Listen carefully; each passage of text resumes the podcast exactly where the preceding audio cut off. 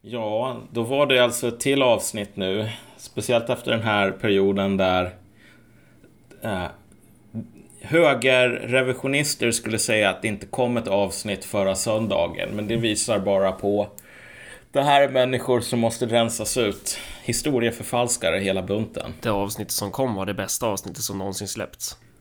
Ja, alla tyckte om det. Alla tyckte att det här var en succé. Ja, så att de som inte har fått sina Swish uppräknade kommer ju få det när det avsnitt som redan kommit kommer ut, helt enkelt. Exakt. Ja, vi, vi hoppar på en lite lättare boll här, tänker jag. Eh, och det är ju det här med EU-val som vi ska snacka om. Men innan vi ska göra det ska jag bara eh, räkna upp lite Swish här och det ska vi se vilken vi ska ta här. Christian skriver Ni leder, vi följer, när börjar vi? vi har vi något att säga om det där? Ja, alltså jag vet inte. När börjar vi? Det beror på vad man menar. Jag säger bra sagt med K.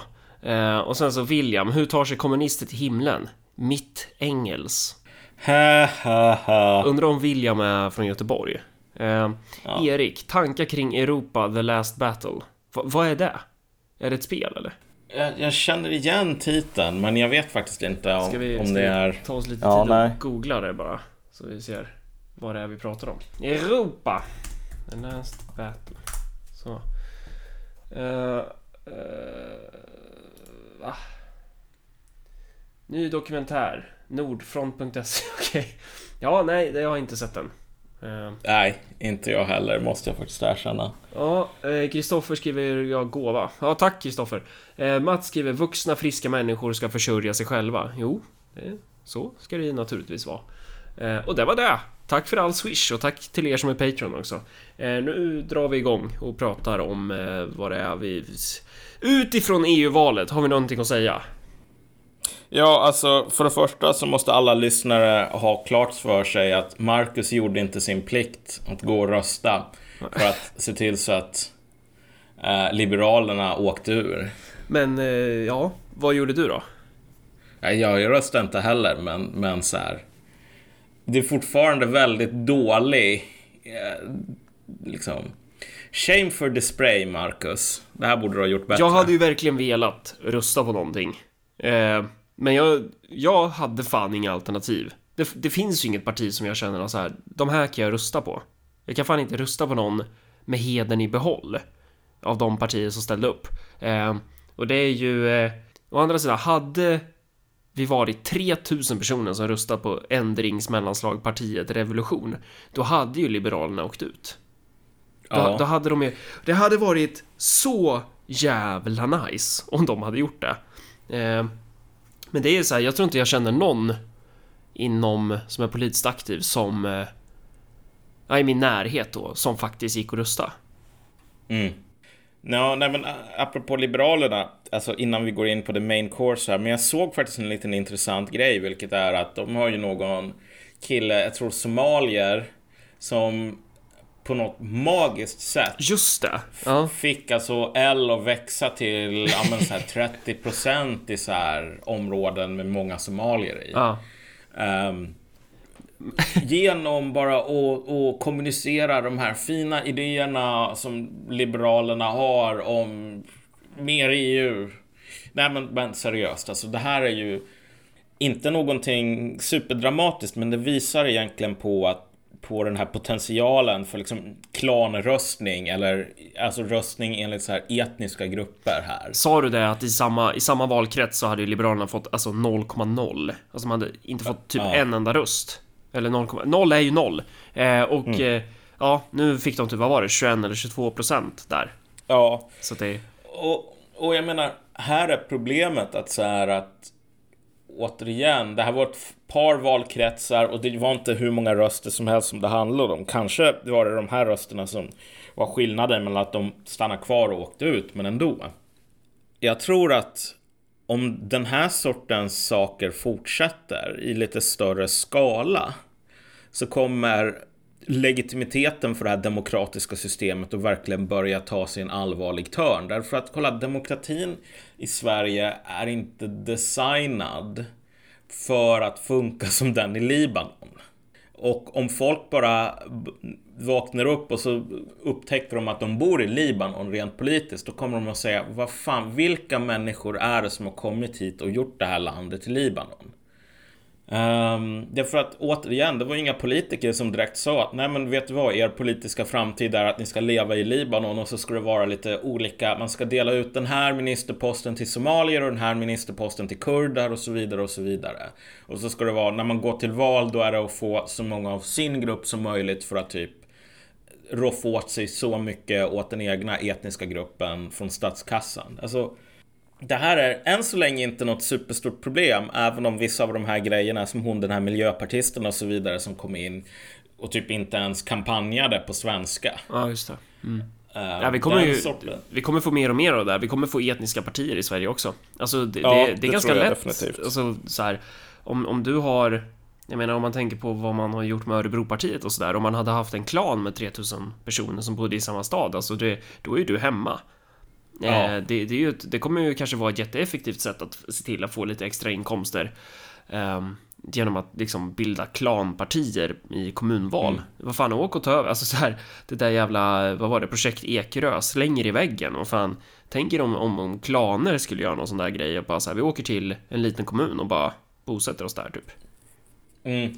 Och, och, men, och det där är också, det där är någonting superfarligt i längden därför ja. att det är en sak det här ja, den här liberalen som kommer ut där i typ Akalla eller vad det nu är och bara sprider sina liberala idéer och får 22% för att de här liberala idéerna är så himla bra. Det är bara så här, okej, okay, whatever, fine. Men det värsta som kan hända mer eller mindre är ju om den här sortens logik som du har typ i hur Ja, men om du tänker dig hur, hur staten funkar i typ Syrien eller någonting sådant. Eller i Egypten. Mm. Alltså att få ett statligt uppdrag, det är mer eller mindre samma sak som att ha en sugsnabel in i det offentliga som du sen delar ut till din grupp. Alltså alla tänker så, det är det normala. Om du bara, ja men jag är en tjänsteman, jag ska inte hålla på och ge mina kusiner jobb eller se till så att min familj får pengar. Men då är du ett UFO. Folk kommer att tycka att du är dum i huvudet. Ja. Ungefär som när man halverar sin politikerlön idag. De bara, vad fan gör du? Men, men problemet är bara så här att tänk dig, tänk dig om du får en kommun som har vi säger typ Filipstad, att du börjar få en utflyttning av svenskar. Eh, I en sån här kommun som tar emot väldigt många invandrare. Och sen så tar man emot väldigt många invandrare från just en grupp som kan mobilisera sig politiskt nog. Mm. Och så börjar man komma in i, du vet, socialnämnden. Mm. Och så kan man styra socialnämnden och sen så kan man helt, så är det helt plötsligt så att socialtjänsten typ betalar ut bidrag, no questions asked, till den här gruppen. Men sen så säger de till den här andra gruppen, ja men vet du vad, ni är kurdiska hundar ut och jobba liksom. Ni förtjänar inte bidrag. Och typ, ni är jävla svennar, ni är rika nog. Ni ska inte ha socialbidrag. Alltså sekunden som det händer så kommer typ tension level i vårt politiska system att gå från typ 10% till 100%. Mm.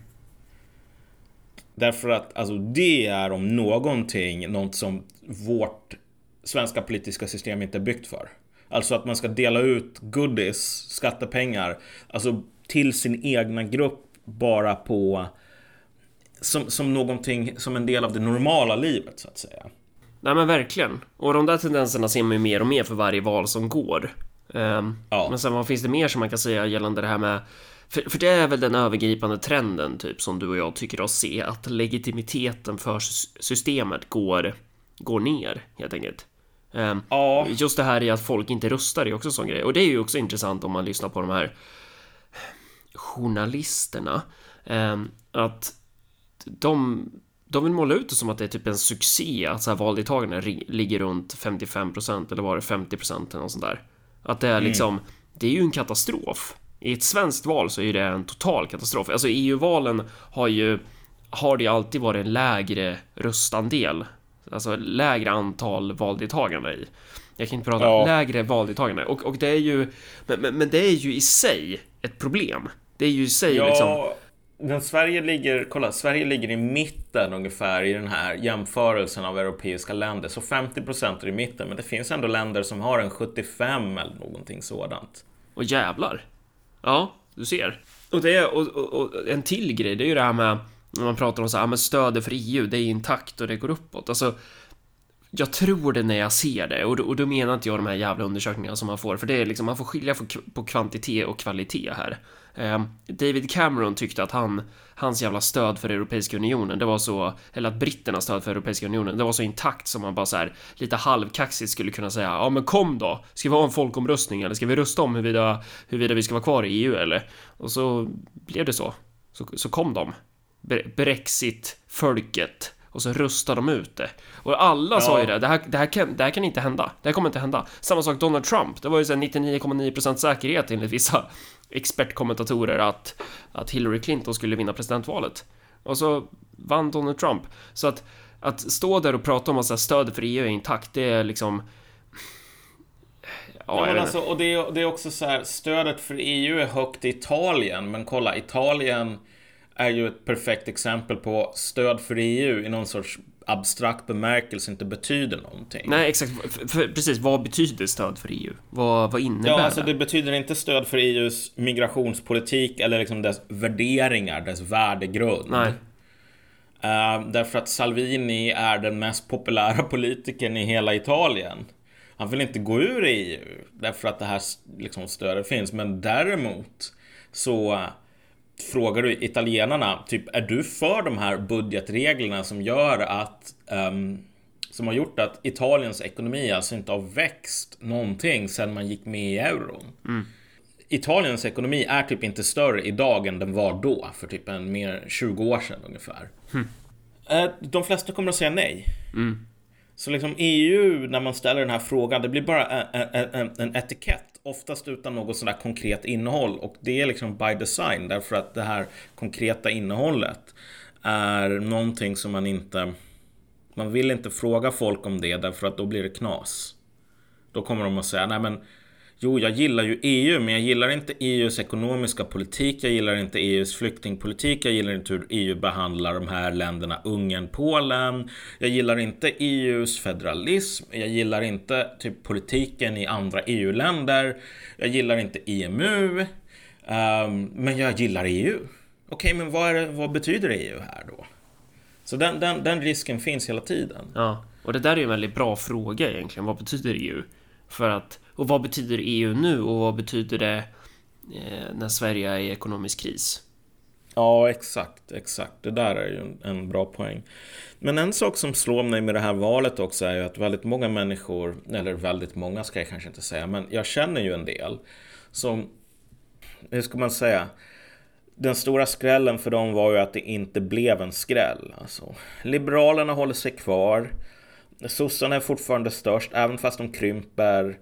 SD, du vet, överhypade som vanligt. Det är intressant, så här, de dubbleras ju. Men eh, eftersom de alltid ligger så jävla mycket högre i opinionen så... Så, så det är lite kul med SD att de är så här... De gör ju de facto bara... Alltså de gör ju skitbra val. Men ja. luften har typ gått ut... Alltså, jag kan ju tänka mig att stämningen där är, är ganska så här pissig för att man förväntar sig mer och det där är ju livsfarligt när man sätter så här ribban alldeles för högt. Även om man klarar av att hoppa så hoppar man inte tillräckligt högt typ. Så det är än vad, än vad man hade för förväntning. Det här är inte någonting som egentligen EU-valet är så superviktigt i, men det EU-valet har varit det här grädden på moset som har bekräftat det, tycker jag. Att, hur ska man säga?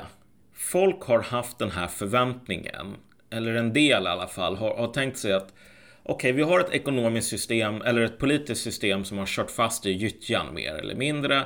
Ehm, um, ta den här invandringsfrågan. Jättemånga svenskar tycker att nej, men vi måste ha en annan politik, men det händer inte.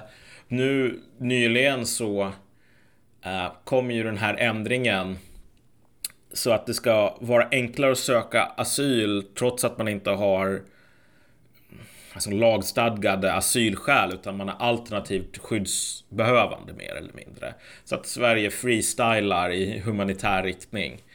Ehm, sen också att det ska vara enklare att ta hit sina anhöriga och man ska inte ha något försörjningskrav utan det är svenska skattebetalare som ska försörja dem, antagligen livet ut. Det finns liksom inget stöd hos, för det hos befolkningen eh, i breda befolkningslagen, men det händer ändå. Då har folk tänkt sig att, ja men okej, okay, förr eller senare SD kommer att växa sig stora eller så kommer det här konservativa blocket eller så kommer eh, M, och det här är ju absurt, men det finns vissa som till och med tror på att M någon dag ska sluta vara värdelösa kax. Eh, vilket är verkligen fri fantasi. Men, men det finns folk som tror det av någon anledning. Men, men någonting kommer att hända. Får jag gissa att de personerna som tror det inte har högt uppsatta politiska positioner inom Moderaterna?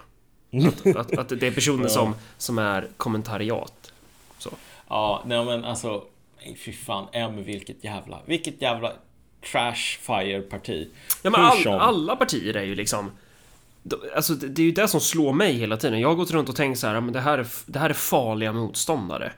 Nu, nu, mm. låter, nu låter det som jag slår mig på bröstet här. Men fan vad dåliga de är. Alltså det är ju verkligen så. Så här, du, du, var, du var ju i en paneldebatt med Lars Ohly, berättade ju du. Eh, när, när, när släpps den? Är den... Eller paneldebatt kanske inte var, det var podcast. Nej, det är, det är sånt här podcast med Dagens Samhälle. Ja, när kommer den då? Um, det släpps om en, en månad? Jag vet eller? inte. Någon vecka kanske. Ja, okej. Okay. Då, då sitter se. du där med Oli i alla fall och han, och han säger då alltså att eh, nej, nej, det kommer inte bli några nedskärningar. Alltså den, den jävla åsnan. Han hade kunnat bli Eh, minister om Mona Sahlin hade vunnit valet 2010. Ja, nej, men jag går in på det här vanliga att Alltså de konflikterna mellan politiker och tjänstemän kommer att bli mycket hårdare när kommunerna måste hålla på att skära ner på saker. För då kommer det att bli det här Svarte Petter. Vems fel är det om det är typ faster Agda typ svälter ihjäl på äldreboendet eftersom man har skärt ner personalen med så 50%. Och då bara, ja men det kommer inte att bli nedskärningar för att Sveriges ekonomi går som tåget och vi är bäst i klassen på så här låga, vi har en låg statsskuld och det är så här, allting är jättebra. Och det bara, ja kamrat Åli, du har 100% rätt. Det är verkligen så, det är så som du säger. Uh, men, men, men jo, visst, han hade kunnat bli minister. Liksom. Så det visar, ju, det visar ju på att någonting i det här politiska systemet är trasigt. Mm. Men för att återgå till den här röda tråden som vi håller på att tappa bort. Så att Många hade ju någon sorts, i alla fall ett par år sedan så var det folk som bara förväntade sig att förr eller senare så kommer något valresultat som bryter dödläget i svensk politik. Jag tror att om det inte var tydligt innan så är det tydligt nu. Att vi är inte i en period där dödlägen inom politiken bryts genom valurnan om man säger så. Därför att alltså, om du tänker dig resultatet i det här valet där alla bara säger vi vann. Typ Miljöpartiet blir så här, åh oh shit, vi är så jävla glada när de förlorar hälften av rösterna. Han den där idioten i Stockholm som de har, heter han Heldén? Kan det vara så? Eh, ja, en han... idiot i Stockholm, ja men då vet jag exakt vem du talar om, för det finns så ja, men... få idioter i Stockholm. Miljöpartiets topp i Stockholm. Eh, jag tror att det är någon. Jo, men jag tror att det är Miljöpartiets topp i, i Stockholm. Han, eh, han visar liksom en bild på det är en, det är en sån här val.se-graf typ. Och så ser man liksom mm. det skuggade området, det här förra valet. Eh, och sen så ser man den liksom färgade stapeln för det här valet. Och det är ju så här jättetydligt att de har backat så här flera procentenheter. De har gått ja. ner. Och så skriver han så här, en succé. Och det där, det där är ju, så har ju typ alla politiker varit där, i EU-valet nu. Att alla bara står och jublar. Vilket jag för övrigt är så här, och alltså Malcolm, vi ska aldrig ha en valvaka om vi bygger ett nationellt parti. Eh, eh, alltså, efter en valrörelse, då ska man ligga i fosterställning och krampa och kräkas blod. Annars har man fan inte gjort sitt jobb. Det, det, alltså, människor som står och typ så här brölar och, och dricker alkohol och är glada. Fan vad svaga människor det är alltså. Vidrigt beteende. Men, men den ja. tendensen i alla fall, att man så här jublar fast eh, typ alla har förlorat på ett eller annat sätt. Det är intressant. Jo men exakt, Jo, men alla förlorade ju på något plan. Men, men det är de här, kolla. Det här valet var att de sekulära trenderna fortsätter långsamt. Så att alltså sossarna är fortfarande största parti, men de krymper, gör sämsta valresultatet någonsin. Ehm, um, SD växer, men de växer långsammare än de skulle hoppas. Och vänstern gör ju sin paradgren, vilket är att så här, vi gick fram en halv procent så här. Um, ja. Snart kommer revolutionen kamrater. Och du vet, man har gått fram en halv procent i hundra år i princip. Och man har sagt att snart kommer revolutionen i hundra år. Och, och tricket till det där är att man bara, man låtsas som ingenting när man går tillbaks 1% typ i nästa val. Och sen så bara, shit, nu växer vi. Valet därpå, där man går fram en halv procent. Så man växer, du vet, det är en evighetsmaskin, Vänsterpartiet. I termer av valpropaganda. Här. Frågan är ju om Vänsterpartiets så här väljarbas, den byts ju ut, men deras så här stapel, att den så här kommer vara evigt runt 4-5% även liksom när all civilisation har dött ut så står den där stapeln kvar där. Ja, nej men precis. Nej men jag tror att så här 4 till 5 procent av stenarna liksom i, i det här eller vad det nu kan vara så här groddjur som vandrar runt efter det här apokalyptiska atomvapenkriget. 5 till 6 procent av dem kommer bara Jag vet vad, jag röstar på Lars Ohly för jag tycker han är så himla stabil. Så här, Lars Ohly vet precis vad det är som behövs här i, i termer av eh, socialistisk politik för våra postapokalyptiska groddjur. Ja, de ger sitt kritiska stöd till Vänsterpartiet. Ja. Men, men, men, men, men, men grejen är bara så här att visst, alla de här tendenserna fortsätter, men de går ju fan så jävla långsamt. Och vad folk inte riktigt tänker på, alltså för nu är folk besvikna över att, ja men vissa är besvikna över att SD typ inte ja, men fick en 25 procent eller vad det nu kan vara. Inte för att det skulle spela någon roll i det här valet. Därför att alltså, Europaparlamentet är en lekstuga. Det är bra om man gillar att typ leva på indirekt på skattemedel. Och du vet, få en 20 000 kronor i månaden och köpa kontorsmateriel för. Så man kan köpa in 3D-klitoris ja. för. Som, som jag menar, rent, rent konkret är ju det där bara designat för att det ska vara en, en kickback som du kan um, pengar som du kan säga Åh, jag köper definitivt kontorsmaterial för 20 000 i månaden och så skickar du tillbaka de där pengarna till ditt moderparti. Alltså det är byggt Alltså det är korruption by design, hela det där uh, systemet i Bryssel. Men men folk tänkte sig kanske att ah, men om, om, om SD får en 25% nu, då kommer de att få 35% i nästa val. Och då, om de får 35% och sätter sig i regering, jag menar då jävlar, då kommer alla de här sakerna som är trasiga nu att vändas. Och bara, nej. För det första så kommer de inte att få 35%. För det andra, även om de skulle ha fått det, så alltså att jag tror faktiskt Johan Akelius var den personen som gjorde den här spaningen först. Mm -hmm. Men han sa att, han, han sa att i någon krönika i Fokus skrev han att han kanske bara var måndagssur som katten Gustav. Men att ju mer han iakttog det här, våra politiker, desto mer tänkte han att vårt politiska system just nu är antagligen trasigt. Alltså det är komplext dysfunktionellt. Vilket betyder att om du sitter i Stockholm och du Visst, du kanske är Annika Strandhäll och liksom ganska inkompetent.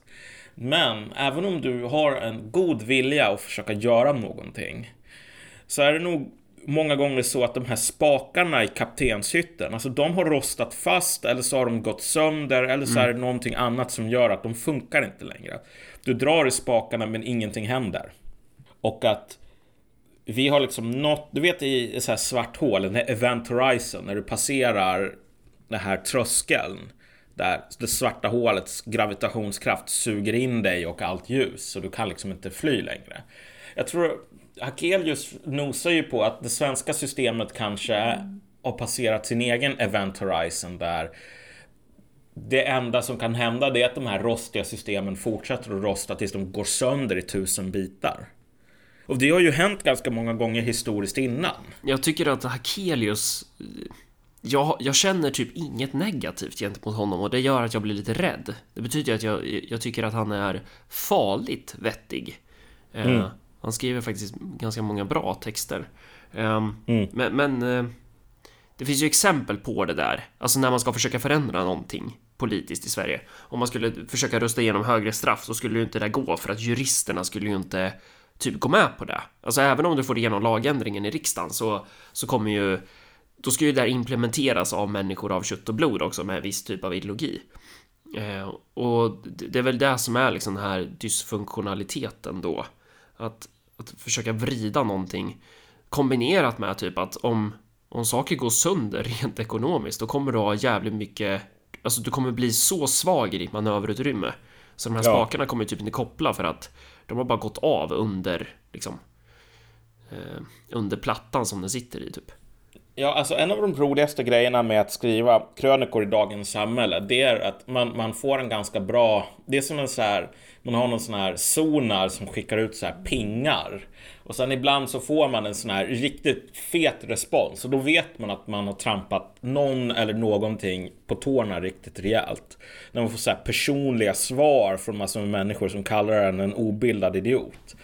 Och typ, Det är så typ jävla en- dig att bara så här, sitta där och bara så här, titta på din skärm ungefär som, alltså det vi människor ser det är text, men det Malcolm ser det är liksom en radar. Ja, ja Så- jo, jag vet inte om jag ska gå så långt, men så här, de två gångerna som folk har, eller det är tre gånger som jag kan komma ihåg som folk har blivit superarga på någonting Ja. jag har skrivit och bara nu jävlar ut med kanonerna. Första gången var när jag kritiserade att det fanns för många kommunikatörer på Oj, kommuner. var det någon som var kommunicerade alltså typ- till dig då? Undrar om de gjorde det på arbetstid också? Ja, nej men alltså jag, jag skrev bara så här att kolla, vi börjar få mer och mer trasiga, alltså när, när kommunsystemen blir mer och mer trasiga.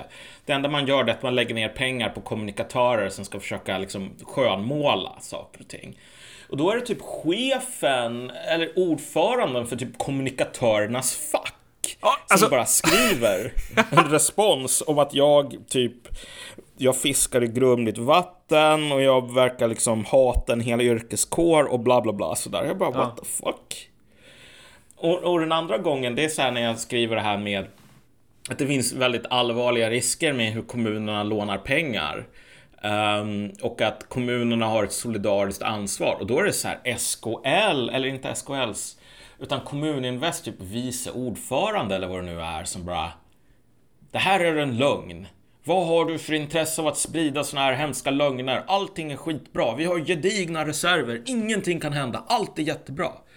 Jag bara tänker, okej, men Wow, okej, varför kommer den här stora fisken ut och bara måste personligt dementera som Bagdad Bob att det finns så här amerikaner i landet?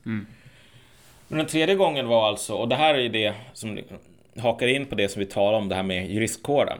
Det var när jag skrev om att du kan inte ha ett juridiskt system som liksom lallar iväg allt för långt ifrån det allmänna rättsmedvetandet. Och fy fan vad jurister blev sura på det.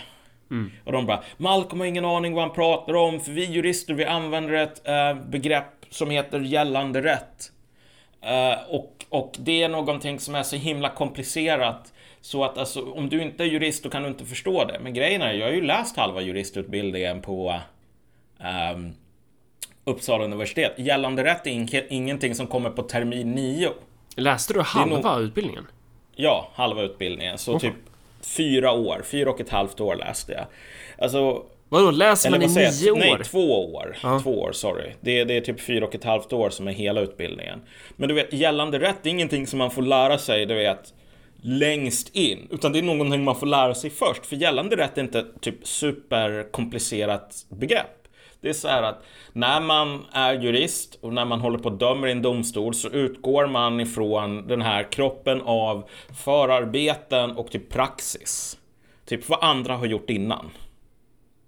Det, det är liksom varken mer eller mindre än så. Och visst, man kan hålla på och um, bre ut sig och säga att ja, andra har gjort innan. Det är fel sätt att uttrycka det på, utan man kan faktiskt uttrycka det mycket mer eh, eh, invecklat. Ja, det kan man. Men, men poängen här är bara så här att det var så himla tydligt. Det var någon sån här domare, eller före detta domare i typ hovrätten, tror jag, som bara Malcolm, han, han, nu har han verkligen irrat ut sig och bara helt famlar i blindo. Vi domstolar, vi kan inte välja att göra olika tolkningar, utan vi följer bara lagen med stort L. Du vet, Ja. Två veckor senare så, säger, så sitter samma jävla domare och klagar på att i såna här eh, i hovrätten, eller nej inte hovrätten, utan i kammarrätten och typ förvaltningsrätten. Så i såna här mål som har, inte brottsmål utan så här förvaltningsmål. Då är det så att domarna väljer nästan alltid att döma ut efter typ det här. Vad är mest ehm, praktiskt i, ter, i en kalkyl där man tänker så här, statens intressen mot den enskilda intressen. Och då är det, det då är statens intressen och vad som vilka sorts domar som underlättar för Skatteverket att typ samla in skatt till exempel. Att, att i den här domarkulturen så är det att om det är så att det är en principkonflikt mellan den enskildas rätt till, jag vet inte vad, och, och få vara i fred och Skatteverkets rätt att kunna samla in skatt på ett effektivt sätt. Då vinner alltid effektivitetsprincipen. Och då sitter han på Twitter och bara Vi måste få bort det här. Vi måste gå över till att tänka liksom mer i individuella rättigheter. Alltså samma snubbe. Samma snubbe som bara säger det finns inga principer, det är bara, det är bara eh, lagen med stort L. Vi, vi är tomma behållare, vi, vi, har ingen kontroll. Sitter sen och bara klagar på sina kollegor över att de har valt att döma och lägga mer vikt vid statens intressen än vid individens intressen. Och nu borde vi ha någon sån här kampanj för att få ändra det. För att fel sorts tänkande, enligt den här domaren, sitter i väggarna. Vad skönt det hade varit om jag hade fel. Ja. Och de hade men, rätt. Men, men det men, säger ju också någonting när det är så här högt uppsatta personer. Det är inte någon sån här jävla tunt jävel som, som man måste umgås med för man hänger med någon gemensam vän till den idioten som sitter och ska försöka läxa upp den, läxa upp mig om någonting jag, jag kan bättre än den personen. Utan det här är, det här är, alltså det här är höga toppar. Ja. Som liksom lägger tid på att kontakta någon person som har skrivit i någon text om någonting. Jo, men, men, men, det är det som är grejen. Att alltså, jag tycker han, jag kommer inte ihåg vad han heter, typ Tellin någonting. Men han är ju en extremt bra illustration på att sekunden, för, för han vill som, som liksom del av det här skrået, som, som del av juristgillet här, så vill han att jurister internt ska få hålla på och gnabba om vilken tolkning som är rätt och vilka principer man ska använda när man håller på och avgör mål i domstolarna. Men utomstående ska bort med tassarna. Och jag menar, eh, och jag vet att typ Hanif Bali gick i någon sorts clinch med honom för att han, för, för Hanif Bali hade ju sagt, du vet, jag är lagstiftaren. Så det är jag som bestämmer vilka lagar som ska gälla. Det är inte du som bestämmer vilka lagar som Sverige får och inte får ha. Um, och det har ju Bali rätt i. Men, men konflikten idag när det gäller så här brott och vilka brott som man dömer ut eller vilka straff man dömer ut och så vidare är ju att så här, jurister säger bort med tassarna politiker. Vi, vi ska ha ensamrätt på det här området och vi är de som avgör om de lagar som ni skriver är okej okay eller inte. Gillar vi dem, då tänker vi följa dem. Gillar vi inte dem, då är det liksom våran uppgift att ha någon i de facto döma enligt andra lagar. Och så här, SD till exempel, vi säger att SD skulle få 35% och så bara, nu ska vi ha högre straff för utländska våldtäktsmän. Vi ska inte längre läsa i tidningarna att de här tre killarna som gruppvåldtog en 12-åring får en tre veckors ungdomsvård liksom. Um, de skulle kunna komma med en lag som säger uh, det ska inte bli tre veckors ungdomsvård mer. Det ska bli hårdare straff. Mm. Uh, och då skulle de här domarna ta den lagen och så skulle de döma ut till typ tre veckor och en dags ungdomsvård. Liksom. Skulle totalt skita i vad lagen var menad till. Och du vet, sekunden som SD skulle försöka ta den fighten och bara nu ska vi typ sparka domare och nu ska vi komma med de här reformerna som gör att um, vi bara eliminerar chansen eller möjligheten att bygga upp sådana här interna kulturer. Um, de skulle ha, för det första, alla andra partier mot sig. De skulle ha KD och M skulle säga Gud, det här är fascism. Rösta inte på SD, rösta på oss, för vi är inte fascister. Så här.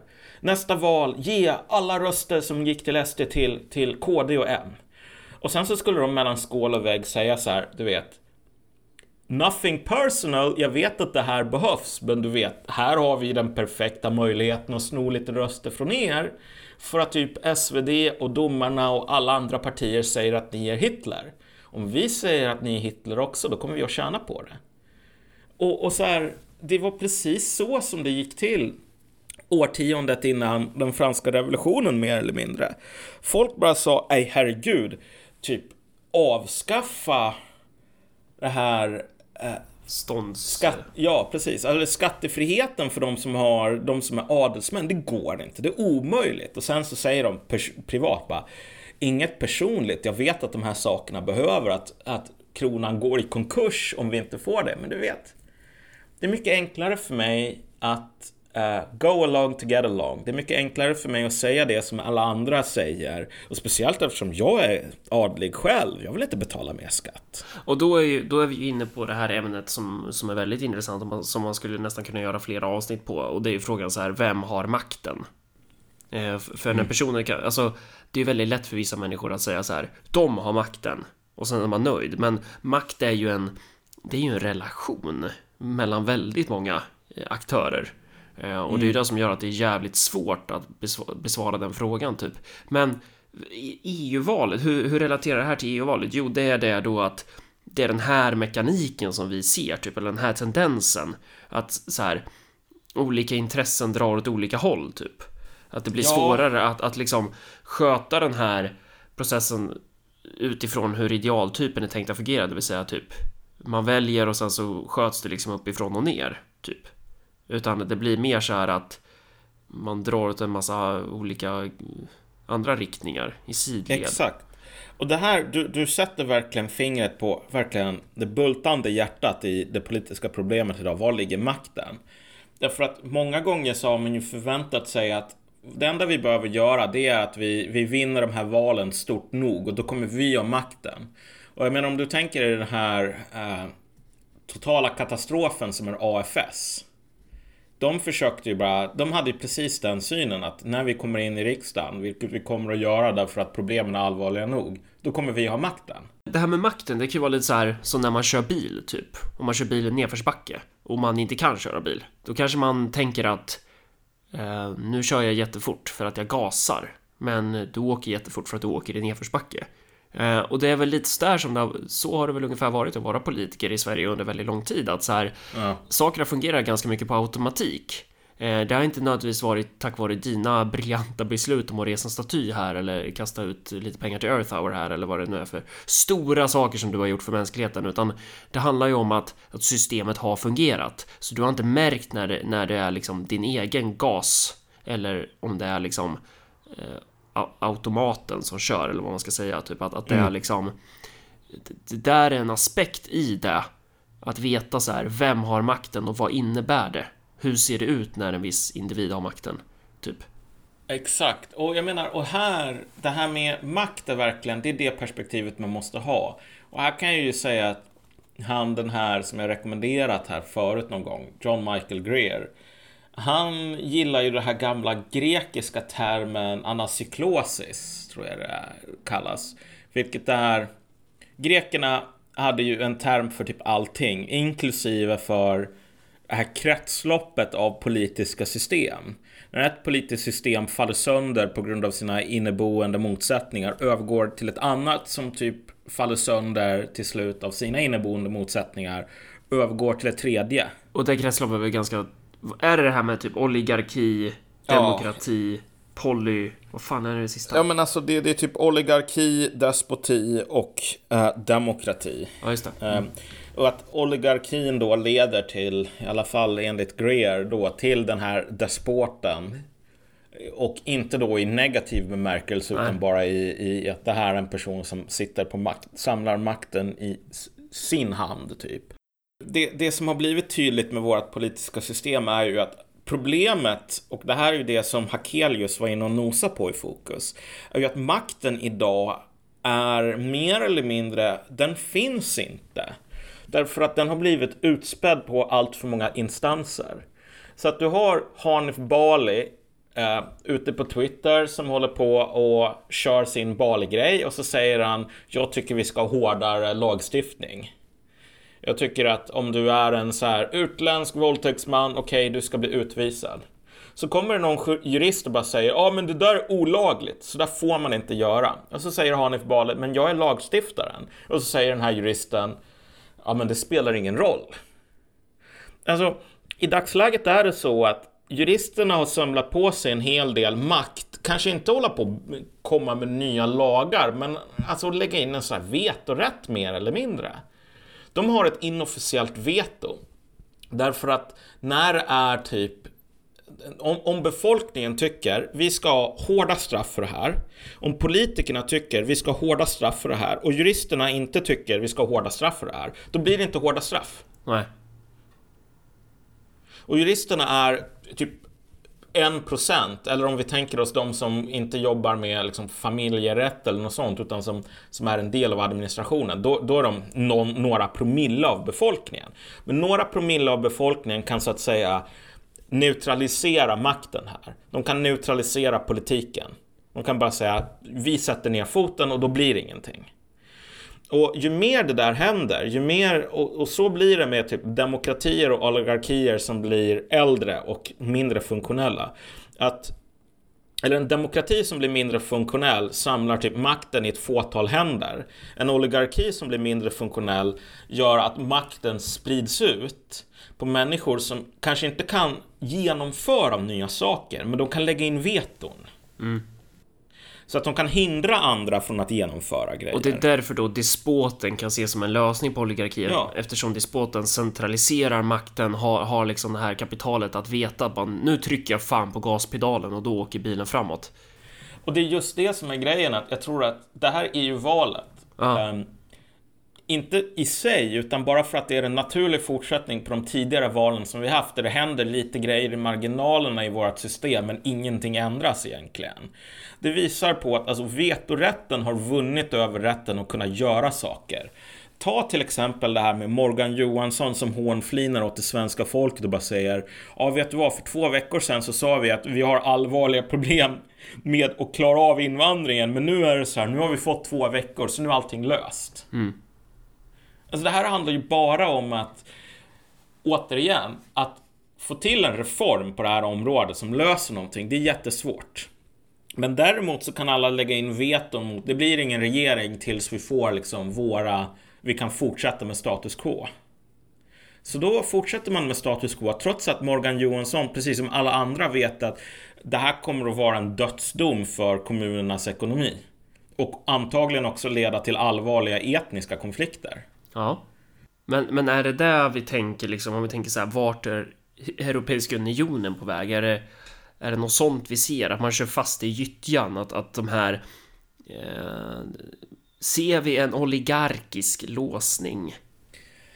Ja, inte på grund av, ironiskt nog så är det inte på grund av Europaparlamentsvalet i sig. Därför att Europaparlamentet är verkligen, det, det, det är en fågelskrämma typ. Ja, ja men, men de, däremot... de, har väl ingen, de har väl ingen makt i princip? Alltså de har väldigt begränsad makt. Eh, ja. Vilket, vilket ju sin tur är så här att fatta vilken liten makt du har som väljare i Sverige. Och sen så de Exakt. stiftar ju massa lagar som är Alltså Bryssel stiftar ju massa lagar, inte då bara via parlamentet utan via andra instanser som, som är Alltså som man märker av på kommunnivå. Mm. Den är ju, parlamentet är inte ens ett lagstiftande organ i egentlig mening. V vad är det de gör? De föreslår lagar eller vad är det de gör? Och sen så är det någon annan... Ja, nej men mer, alltså det är något sånt här, alltså problemet är att man ville inte ha ett system som skulle vara, ja men du vet, en parlamentarisk demokrati fast överstatlig. Så alltså de, de håller på att diskutera saker, men man kan när som helst säga ja, men jag bryr mig inte. Och så kan man köra på om man är en del av kommissionen. Ja, de, har ju, så, det, det, de måste ju besluta lagar tillsammans med ministerrådet. Ja. Och så att det är inte, det är inte parlamenten som har byxorna på i, i, i den här relationen. Men den andra biten är bara att där makten egentligen finns av två anledningar. Dels på grund av hur EU är strukturerat, men dels på grund av att EU inte har någon sån här egen typ federal bas, om vi säger så. Alltså, EU har ingen egen armé. Det finns inte EU-medborgare som så att säga styr över svenskar eller någonting sådant. Utan det här är en, en, en jävligt lös federation. Vilket betyder att även om EU hade en egen sån här möjlighet att stifta lagar och så vidare helt frikopplad från så nationella val, vilket EU inte har. Då skulle de personerna som är typ presidenter och statsministrar och så vidare i sina enskilda länder kommer att säga Ja men hur många divisioner har ni i EU? Så här. Som Stalin, du vet, påven, hur många divisioner har han? Påven var ju också en, en ett överhuvud över typ halva världen som alla var tvungna att respektera. Men om man inte hade några divisioner så är det inte så som att påven kunde befalla så himla många saker och hända direkt i Polen till exempel. Um, så att den här låsningen kommer ju på grund av att sådana här partier som Lega Nord i Italien växer extremt mycket i, ja, men i sina enskilda länder. Och på så sätt gör att det totala systemet kör ner i gyttjan. Men de växer fortfarande vi... inte tillräckligt för att kunna... Alltså... Nej, inte för att kunna samla på sig makten så. På samma sätt. Alltså Italien är lite annorlunda än Sverige. Där tror jag att Um, ja, Salvini där, alltså. Vilken, ja, vilken... där ligger det nog kanske närmare tiden. Men ja. jag tror att vad du kommer att se, det är såna här typ Salvini-figurer eller andra liknande figurer. Mm. Som säger bara, jag samlar på mig makten i mina händer. Sen så kan de lärda tvista om hur olagligt det som jag gör just nu är. Om det är superolagligt eller bara lite olagligt. Men vad fan, det är ingen som bryr sig om de jävla töntarna.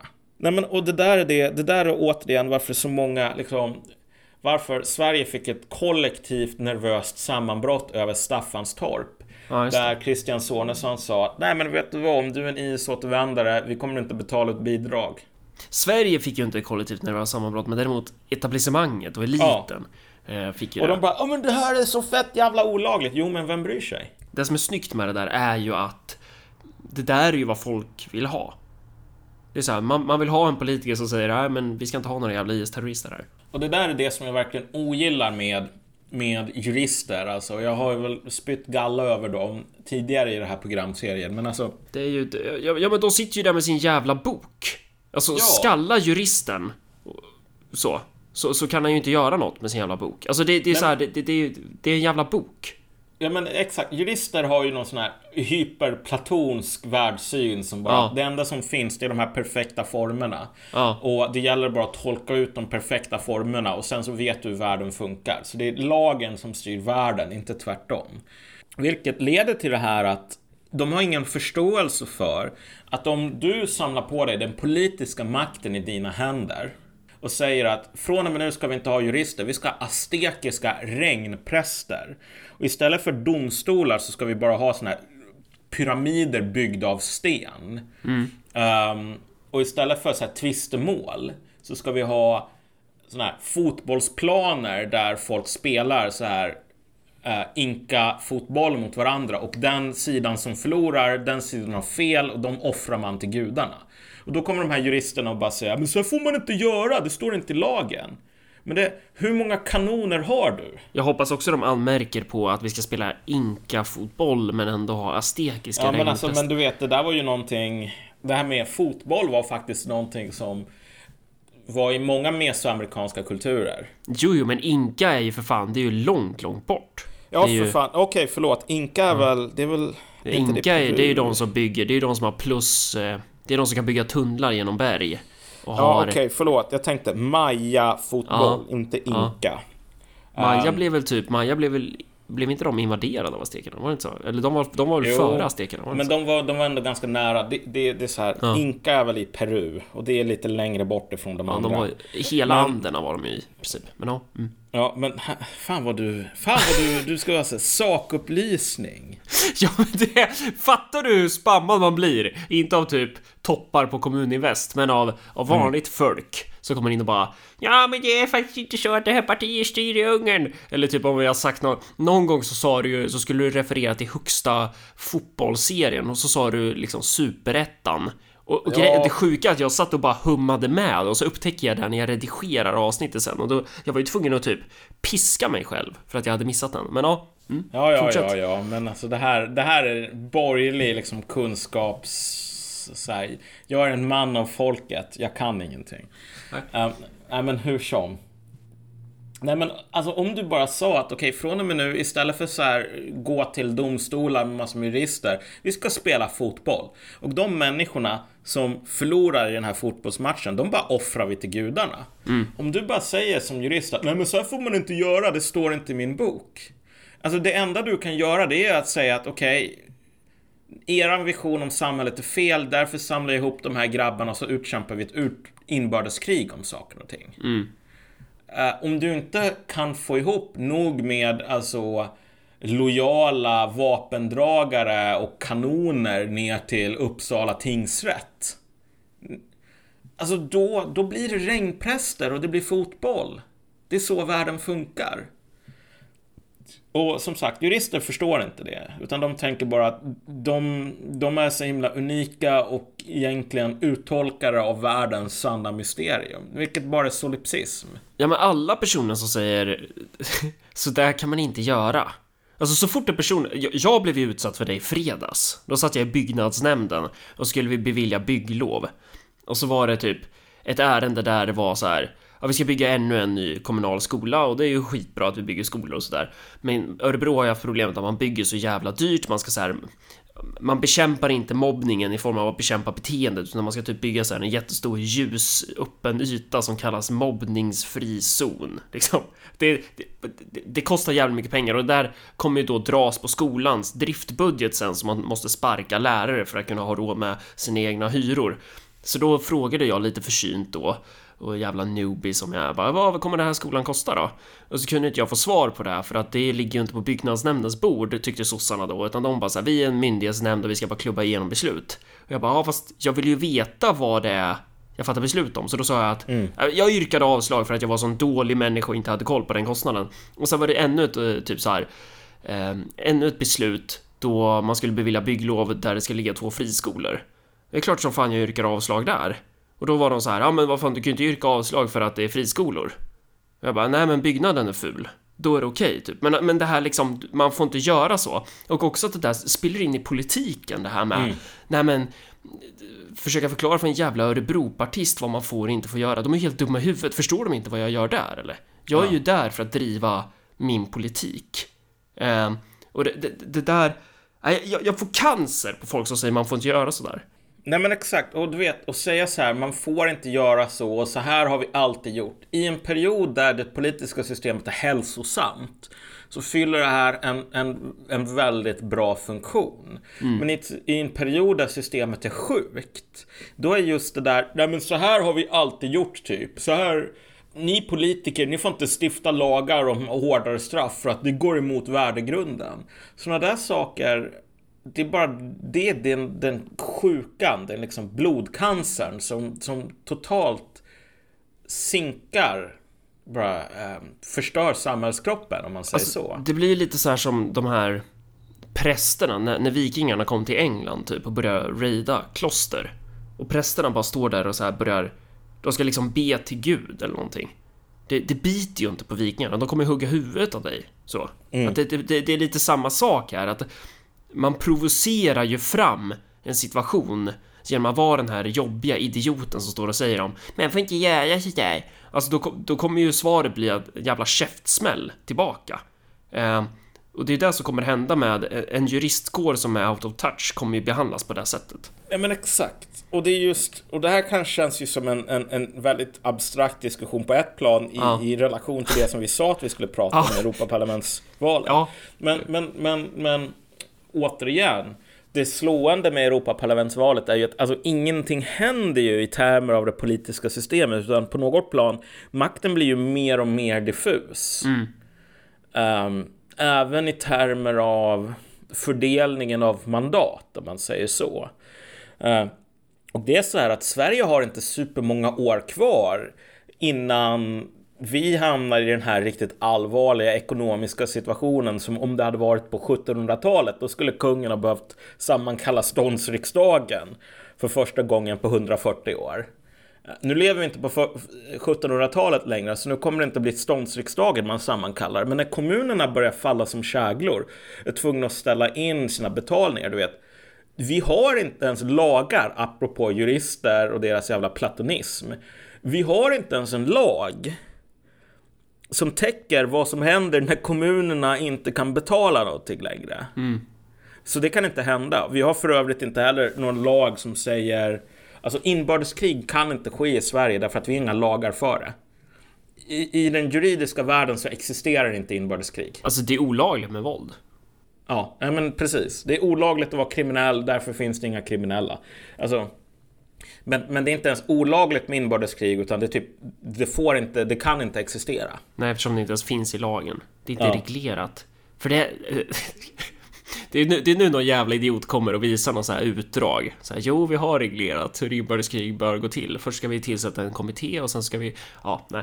Ja, Men, det, ja. det är det som jag inte... Om, om det existerar, då är det bra. Men det, vad jag har hört så finns inte det. Och saken är väl bara den att vi går mot en period nu där du kommer att behöva omförhandla vad heter det nu? Omförhandla det sociala kontraktet riktigt jävla rejält. Och när du väl rullar den snöbollen nerför berget, den är jävligt svår att stanna n- vid den punkten du vill att den ska stanna. Och som sagt, jag tror att folk tänkte ju att SD många gånger skulle vara den här nya kraften som bara kommer in i riksdagen, kommer in i regeringen och sen så börjar de ändra på saker. Men, men allting talar för att makten är för diffus. Ja, alltså tendensen är ju att makten, sprid, makten sprids. Eh, åt, åt flera olika riktningar samtidigt. Eh, och det är det som gör det svårt då att, att försöka Mm. eh, liksom samla in det där. Det är lite som uran. Det bara skjuts ut. En massa, vad det nu är, radioaktiv skit. Eh, och så försöka, ska man försöka samla in det där igen. Om man ska tänka att det är lite så som är den här tendensen från oligarki till despoti typ. Ja, Att, exakt. Att despoten är välkomna därför att han är kapabel att säga det är jag som är basen, det är jag som bestämmer. Och återigen, och det är därför som någon som Sonesson har varit en sån mardröm för etablissemanget. Därför att han har ju ändå på något plan i de här frågorna återigen klagar på det här kackpartiet Moderaterna. Ulf Kristersson säger så här, om man inte gillar att vi ska betala socialbidrag till IS-återvändare livet ut, ja då borde någon kanske ändra på lagen. Han är alltså partiledare för det andra största, det tredje största partiet och bara någon. Han passar ju den då. Han, det, Ja. det, han erkänner ju sin egen underlägsenhet i, i Ja. den här spridningen av makt. Jag menar, om, om Sonesson var partiledare så skulle han, och det här har jag sagt förut, han skulle säga jag, inte någon. Jag ändrar på det här imorgon. Eller rösta på mig och sen så kommer det här att vara, vi behöver inte ens ändra på lagen, vi kommer bara göra så här. Sen så får de här människorna klaga hur mycket de vill. Eller så skulle han säga jag. Alltså I-J-A. Ja, O, jo, E, men precis. Jävla Men- skåningar alltså. Ja, men, men vad, vad, vad, fan det var något jag hade här. Eh, alltså för nu är vi ju inne på det här och det, det kanske blir naturligt. Det, det blev inte så mycket EU-snack här, men, men det, och det, det är ju också talande för att EU som institution, det är lite så här att stirra på den är lite som att titta på fel sak. Det är ju bara ett symptom på sjukdomen och som, som är ett som ju egentligen handlar så här om vad är det för typer av grupper som har makt. Mm. Ehm, och, och, och det blir ju mer relevant i svensk kontext gi- givetvis. Nej, men, men, men vi går i alla fall inte mot en tid där snart så kommer nästa val och då Nej. jävlar, då kommer det här partiet att få en 32% och så kommer saker och ting börja ändras. Utan vi går, vi kommer att se de här valen som bara, ja, ah, det, det är hoppfulla nya tendenser. Högern växer eller vänstern, typ vänstern går fram med 0,4%. Uh, men, men de här hoppfulla tendenserna kommer att vara statiska. Liksom. De kommer att vara identiska med hur, hur hoppfulla de var förra valet. För evigt. Och den politiska makten kommer inte att gå till den som så att säga vinner 2% mer än, än förra gången eller någonting. Utan den som är kapabel att börja samla den här utspridda makten i sina egna händer. Ja, och det kommer ju ske såklart, precis som när man äter en elefant, där man tar ju en tugga i taget. Så att Ja. den här tendensen bör ju ske eh, nerifrån och upp. Exakt. Det börjar kring alltså individer. Sonesson är ett bra exempel, men alltså anledningen till varför man, vi tar honom, det är för att han är en av de få som är kvar. Förr i tiden så hade vi socialdemokratiska pampar.